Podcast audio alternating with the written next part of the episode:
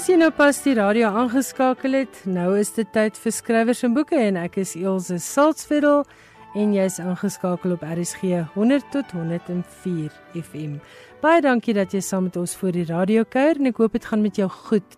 Die baie bekende Franse skrywer en filosoof Victor Hugo het gesê om te leer lees is soos om 'n vuur aan te steek. Elke lettergreep wat gespel word is 'n nuwe vonk. En dit is so waar ons wat lesers is, weet watter nuwe wêrelde boeke en woorde en stories vir jou oopmaak. So koop jy dit nog genoeg leesstof en as jy nie genoeg nuwe leesstof het nie, onthou daar's wonderlike werke op die meeste van ons se boekrakke wat 'n mens maar gerus weer kan herlees.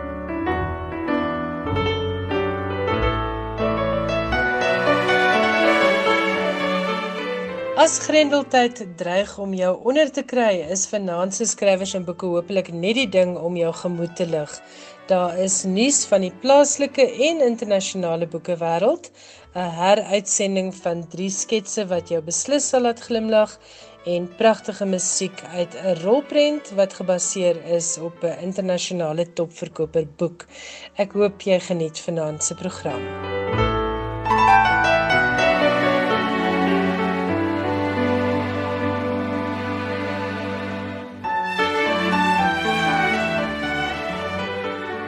Ongelukkig moet ons afskop met slegte nuus.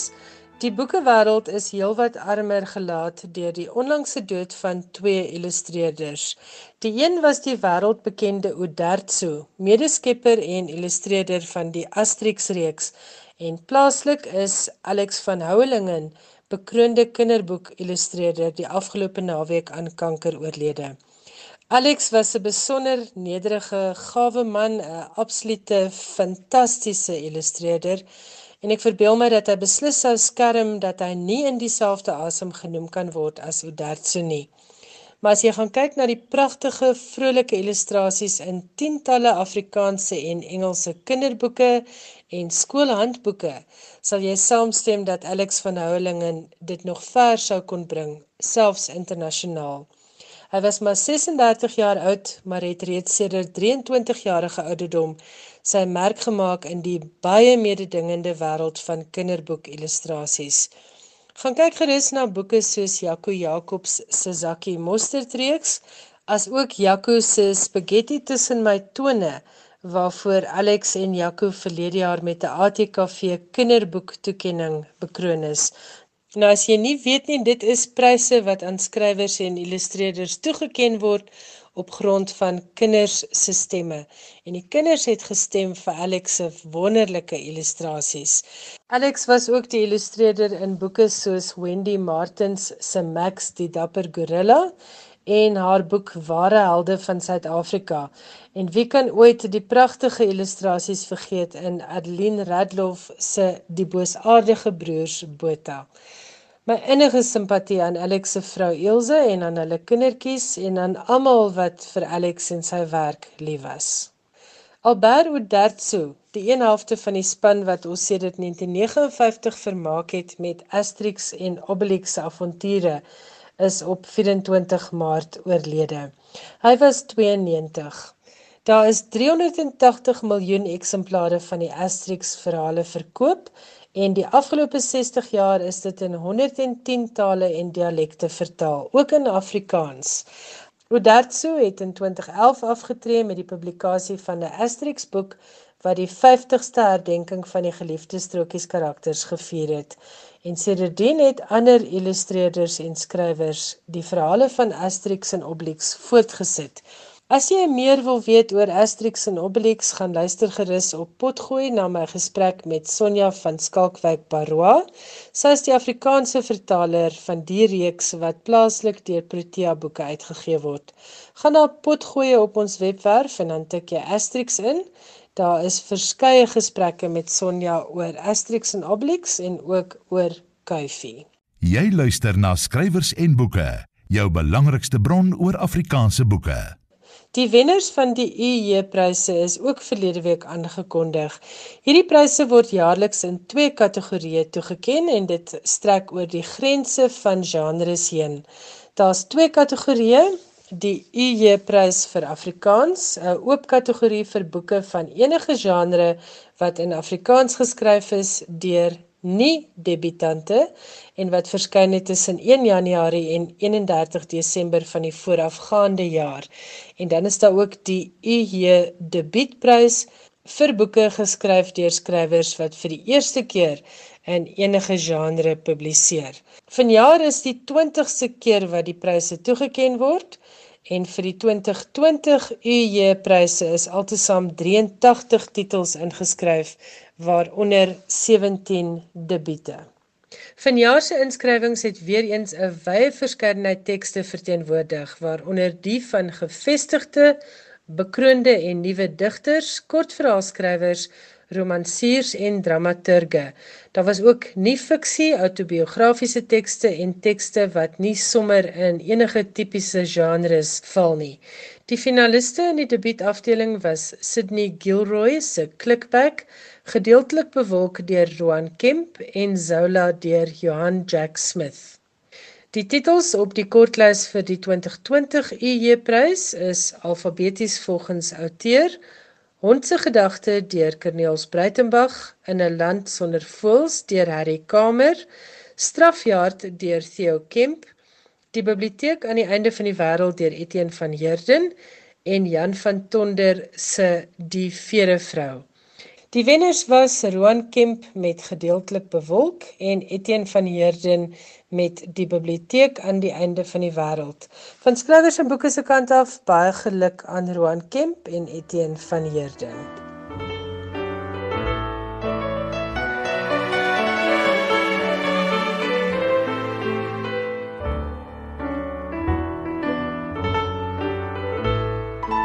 Nou is dit tyd om te luister na daardie drie beloofde sketse. Dit is oorspronklik op Oukers aan 2014 in skrywers en boeke voorgeles. Jy kan luister na die werk van Anne Marie van der Walt, Wile Pieter Pieterse en Johan Bakkes. Ek hoop jy geniet dit.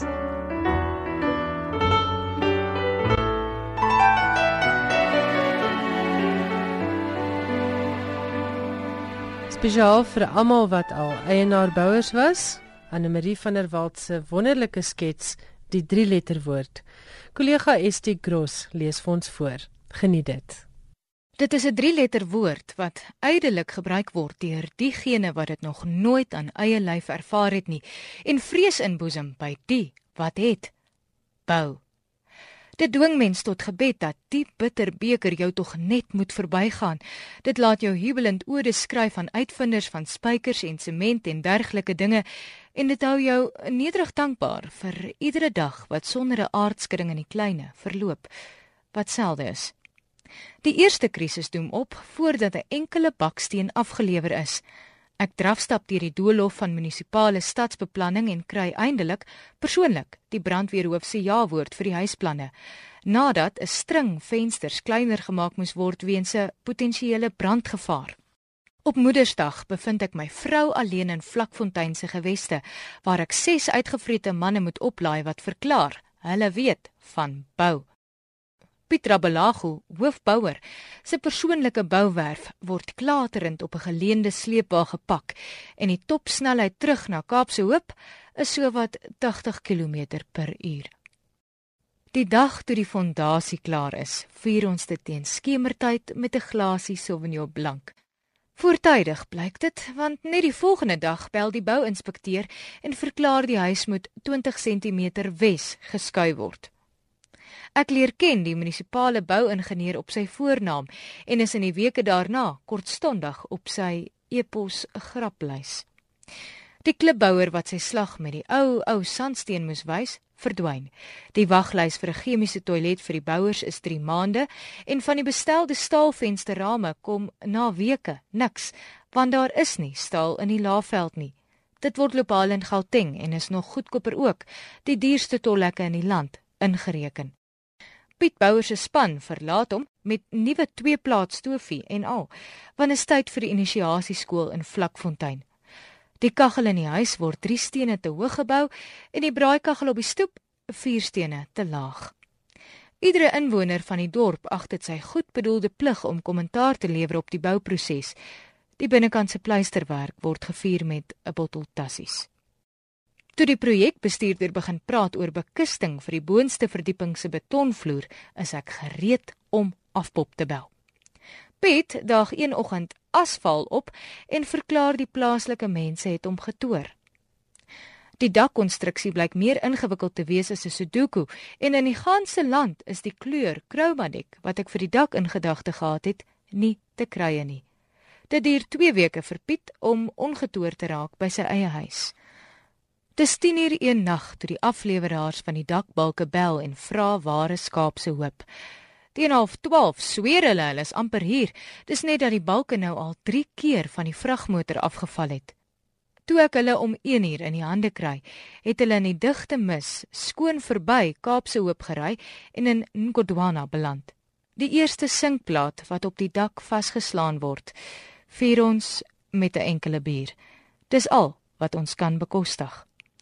En toe ek eendag teenoor Piet kla dat ek nou siek en sat en suur is vir almal wat wil hê ek moet hierheen en daarheen en dit en dat doen, want ek is net een mens en hulle is baie, is sy antwoord: Nou weet jy hoe voel die Here. Dit was Anne Marie van der Walt se skets Die drie letterwoord. Anne Marie is natuurlik bekend as 'n rubriekskrywer by Beeld en hierdie skets het verskyn in haar bundel Talisman teen die troosteloosheid wat in 2010 by Milan Media uitgegee is. Estie Gross was die voorleser. Wyle Pieter Pieterse is een van my gunsteling Afrikaanse skrywers, juis omdat hy met 'n humoristiese oog na dinge kon kyk. Skalk Skoombie lees nou vir ons 'n skets wat in Torra Bay aan die verste punt van die Namibiese kus afspeel. Toeriste word slegs gedurende die Desember skoolvakansie toegelaat, sê die toendertydse hoof van die Skedelkuspark toe ons aansoek doen om daar te gaan bly. 'n regulasie wat tog nie altyd tot die dood toegepas word nie. Besef ons gedurende die 18 maande van ons verblyf op Torra Bay by die mond van die Uniap rivier. So dan en wan pak daar darm tog mense af, waaronder die liewe oom Gaffie en sy ewe liewe suster tant Mary van Hermanus, albei in daardie tyd reeds goed in die 80. Bring darm tog vir die wis en die onwis 'n oppasser saam, ou Kerniels, 78. Met hulle eerste besoek in die tyd wat ons daar is, sien ons dadelik dis nie 'n verkenningstog nie. Niks is daar van 'n onsekere gereiery al tussen die wit gekalkte klippe deur asof hulle nie kan besluit nie. Hulle hou sonder 'n oomblik se huiwering veilig uit die wind uit knus teen die winkel stil. Die derde aand kom nooi oom Gaffie ons vir ete. Ons wys die aanbod vriendelik van die hand. Maar toe hy die volgende aand met sy bakbeentjies oor die woestyn aangerol kom en sê hy sal ons wys hoe om 'n galjoen te kook, aanvaar ons. Van gekookte galjoen het ek in my dag des lewens nog nooit gehoor nie. Die resep gaan toe so goed af dat ons op die laaste aand van hulle verblyf die loeiende suidwester trotseer en weer oorstap na die winkel toe, die een wat eintlik net Desember se winkel is. Die keer vir galjoen in die pan gebak. Twee pale is daar op Torrabai. Die een teen aan die winkel waar 'n natuurbewaring se vlag in die seisoentyd gehang word. Die ander een waar aan die praatradio se ligdraad gehang word, 'n entjie see se kant toe. Buite seisoen word die pale slegs deur die kormorante benut wat naglank op mekaar skel vir 'n beurt om daar te slaap. En om Gaffie se gasbraaipan staan reg onder die gewildste van die twee pale in die windbeskutte hoekie van die vierkant teen die winkel waar hulle twee tentjies ook opgeslaan is. Die eerste probleempie ontstaan pas nadat oom Gaffie die winddroog galjoen se vel afgesukkel en die vis in die pan gesit het. Toe die witborsduiker daarbo van die paal af 'n sardyn opbring wat langs die galjoen in die pan val. Ons het mos daarom nog daardie korthol kabeljoukie daar in die vrieskassie Mary sê hy en slinger saam met Kerniels in volle oorgawe etlike klippe na die voël, gooi die galjoen vir die jakkals en vee die braaipan uit. Nee, wat? Daar eet ons maar visvingers, sê hy toe die duiker weer kom sit en 'n spierwit stinkblerts van heeltemal 'n ander soort in die kos los. Hy maak die pan skoon. Ou Kerniels kry 'n ordentlike hoop klippe bymekaar en neem 'n wakende houding in. Voor tant Mary die visvingers uit die gasvrieskassie gewikkel kan kry, kom die witborsduiker in om te land. Hy misgis hom met die wind en die klip wat na hom geslinger word, vlieg vierkantig in die paal vas en sloeg in die pan warm olie neer. "Toe maar, Mary," sê oom Gaffie. "Los maar. Ons eet sommer hoender." Dit was Skalk Skoombie wat vir ons Pieter Pieter se skets oom Gaffie en die hoender voorgeles het. Ek is nie seker in watter bundel van Pieter dit oorspronklik verskyn het nie, maar hierdie weergawe kom uit Skater wat na sy dood saamgestel is. Johan Bakkes kyk ook op 'n anderster manier na die lewe. Christel van Tonner lees nou vir ons sy skets 'n anderse Kersfees wat in 2005 in die bundel op hulle stukke verskyn het. Ek is nog besig om my present oop te maak. Toevallig het ek geweet dis 'n Bybel. Toe waggel klein Boet Christian deur die stoepruit. Voor my spat die ruit aan flarde en soos 'n gelatine kom 'n boostuk af en pen deur sy bolop. Hy is maar 2 jaar oud en verstaan nie al die bloed en gille nie. Dis my eerste ou Kersaand wat ek regtig onthou. Daai aand, op 11 jaar, gee ek my oor aan die Heer. Laat Boetie net lewe. Toe ek versigtig die glaspies uit sy verhemel te haal en hom optel en as offerande vir maandpa gee. My ma Margaret het geglo ou Kersaand is ons bakke se aand. Saam sou ons presentjies ontrafel. Saam sou ons wees al haar kuikens onder een dak. Maar sy het nie reken gehou met wat sy gemaak het nie, want aartappels het sy nie geplant en ook nie groot gemaak nie. Elkeen van ons, Marius, Christian, Matilda en ek, het 'n wegneek en 'n eiegheid gehad. Oukers aand 1982 bevind ek my op Oshakati, sektor 10 Wambuland. Ek en 'n paar makkers het pas 'n hoender of 3 van 'n naburige stad ontset Die logistieke manne van die groot maakpakhuis het 'n botteltjie of twee lawaai water bevry. Vanaand vier ons Kersfees. Die troepe in die torings van Alfa Kompanie is loerend op die uitkyk en sal die vyand stuit. Op die vuur verkoel die hoender as offerande aan Thor toe ons die buffels bestyg. Vir die soldate op Oshivelo is ou Kersaand brandend aan die gang. 61 meganiese brigades onder vuur en ek soek ondersteuning. Vir Swapo is dit nie 'n stille nag nie. Ek onthou die wildheid in my makker se oë. Wat 'n kersgeskenk om te bly lewe. Ons druk flenterpapiertjies, wit gekleur, aan die dorings van die akasia boom met sy takke gekruisig uitgesprei oor die Kwandu vloedvlaktes. Dis ons kersboom vir vanaand. Die rustigheid van die Weskaap rivier kom maak nes in ons harte. Die olifantrop is salig onbewus van ons kampplek. Neuk reguit rivier toe en pyl reg op ons af. Dis 'n stewige trop, so 'n stuk of 200. Die matriarg se slurp stewend soos 'n antenna. Ek onthou Potty se saggiese ons moenie met die koning lol nie. En toe draai die wind en hulle is op ons en hulle storm en trompeter en ons skree en kapotte en deksels en weet sou ons nou hardloop is al verby. En ons bly staan en hulle swaai weg. Daai aand kry ek toe 'n handdruk vir Kersfees. Toe gedraai in vriendskap. 'n Wit Kersfees. Dis bitterkoud in hierdie geweste heel jaar. Iewers in die hange van Nomboer, 'n heilige berg vir die Sherpa van die Himalajas. Ons lê in, eintlik sneeu ons vas. Hier is nie uitkoms nie. Verseker nie vanaand nie. Ek en Kali lê stompkant skerpkant in die twee man tent wat knak onder die sneeu. As die heup ingee, dan sê ons draai en dan draai ons en lê andersom, skerpkant, stompkant. Boeta, weet jy dis ou Kersaand? Vra ek en hy trek sy handskoene uit en met nerf af bevrore vingers maak hy klappertand vir ons gord op die primus. Die lekkerste Kersmaal nog. Dit gaan 'n droë Kersfees wees besef ek toe die kaptein van die Mauritaniese weermag ons busy stop en aftrek. Dis nou letterlik en figuurlik, want hier in die Islamitiese Republiek van Mauritanië is alkohol taboe. Ons klim uit en die waaiende Sahara sand filter deur ons woestyn koptoisels. Your cholera injection has lapsed.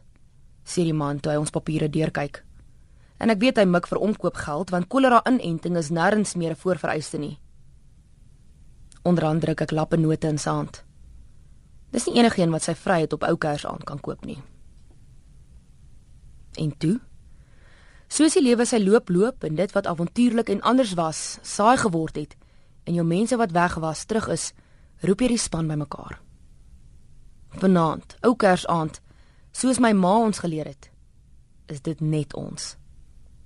En Nana maak 'n boutgaar en my seun maak bak die vuur en Kara, my meisiekind, sing. En Maria verduidelik weer aan Josef hoekom hulle in hierdie stal moet oorslaap en daar kom manne met sulke lekker ryk goede en snyfterye aan en selfs die volk los hul skape daar iewers in die Ceresbo Karoo en die Rodes wil moer. En jy sit behaaglik terug en dink. Wat 'n ander se Kersfees. Die loop maak hierdie stoepruit. Dit was Johan Bakkes se ander se Kersfees voorgeles deur Kristal van Tonder. Die skets het oorspronklik in Rooi Rose verskyn en is later opgeneem in die bundel Op hulle stukke wat in 2005 by Iman en Resou verskyn het. Jy luister na skrywers en boeke op RSG. Johan Meiburg, baie welkom in die ateljee. Dankie dat jy uh, weer hier is met internasionale boeke nuus. Ek verstaan as dit 'n bietjie skraps is want ek dink baie boekvrystellings en boekbekendstellings en dinge is vereers afgelas. Maar wat kon jy vir ons vind? Wel, die probleem is om nie die hele tyd op die negatiewe te fokus nie. Maar kom ons begin met die Bologna kinderboekmark wat in Maart sou plaasvind. Dit is uitgestel na Mei en nou is dit heeltemal afgestel weens die afsondering wat kom vanweë die koronavirus in Italië. Antonio Bruzzoni, bestuurder van die fees, het die situasie 'n noodgeval genoem en bygevoeg dat mense in gedagte moet hou dat die boekemarkstelsel geskoei is juis op persoonlike ontmoetings en netwerkgeleenthede. Soveel as 90% van die deelnemers op die mark kom van die buiteland. Benewens die enorme finansiële verlies, is dit die interaksie wat in die slag gebly het, het hy gesê. Die organiseerders van die Leipzig Boekemark, naas die Frankfurt Boekemark wat gewoonlik in Oktober plaasvind, die grootste in Duitsland, het die sentiment beamoen. Die mark is ook gekanselleer. Benewens die finansiële verliese wat soveel mense ly, is die groot probleem dat boeke en skrywers nie die aandag gaan kry wat hulle verdien nie, het die Leipzig ondersteuners gesê. Intussen is 'n noodfonds vir skrywers wat onhanteerbare verliese gely het as gevolg van kansellering van boekbekendstellings, boektoere, besoeke aan skole en ander geleenthede in Brittanje in die lewe geroep. Volgens the Society of Authors wat die fonds begin het, was skrywers voor die koronavirus pandemie in die knyp en nou soveel te meer. Philip Pullman, skrywer en president van die vereniging, het gesê die pandemie maak dit onmoontlik vir skrywers om hul werk te doen aangesien voordragte, skoolbesoeke en lesings 'n groot deel van hul inkomste is. James Mayhew, skrywer en illustreerder van die Ella Bella Ballerina boeke vir kinders, het gesê 13 van sy afsprake is verlede week gekanselleer wat 'n verlies van iets so 6000 pond beteken. Professionele skrywers wat in Brittanje woon, kan voordeel trek uit die fonds wat tans op iets soos 330 000 pond staan. Die toekennings sal gedoen word volgens dringende behoeftes. Ek het daarom gelukkig ook 'n bietjie goeie nuus vir luisteraars wat nuwe leesstof vermis. Al die Afrikaanse uitgewers het my laat weet dat hulle baie baie hard gewerk het om 'n hele klomp nuwe boeke as e-boeke beskikbaar te stel. So gaan maak gerus 'n draai op al die Afrikaanse uitgewers se webwerwe of op hulle sosiale media en jy sal sien watter boeke is nou ook as e-boeke beskikbaar en dit sluit regtig alles in. Daar is kinderboeke wat ek gesien het, resepteboeke, hikelboeke, 'n hele klomp nuwe fiksie en natuurlik baie baie fiksie. So lekker lees, jy kan aanhou lees ten spyte van die inperking en baie van hierdie boeke is ook teen 'n baie billike prys en in sommige gevalle selfs teen afslag beskikbaar. In die dae van nie uitgaan nie, is dit dalk goeie idee om weer jou rak deur te gaan en ou boeke wat jy in jare nie gelees het nie nader te trek. Daar kan wonderlike verrassings wees en tydlose juwele. Soos 'n boek wat in 1970 geskryf is wat ek onlangs op my rak ontdek het, die Amerikaanse skrywer Helen Hanf se 84 Charing Cross Road. As jy jou hand nie onmiddellik op die boek kan lê nie, Netflix bied ons die charmante 1987 fliekweergawe van David Jones as regisseur met Anne Bancroft, Anthony Hopkins en Judi Dench toe in hulle vroeë 50's. Die fliek heet ook 84 Charing Cross Road.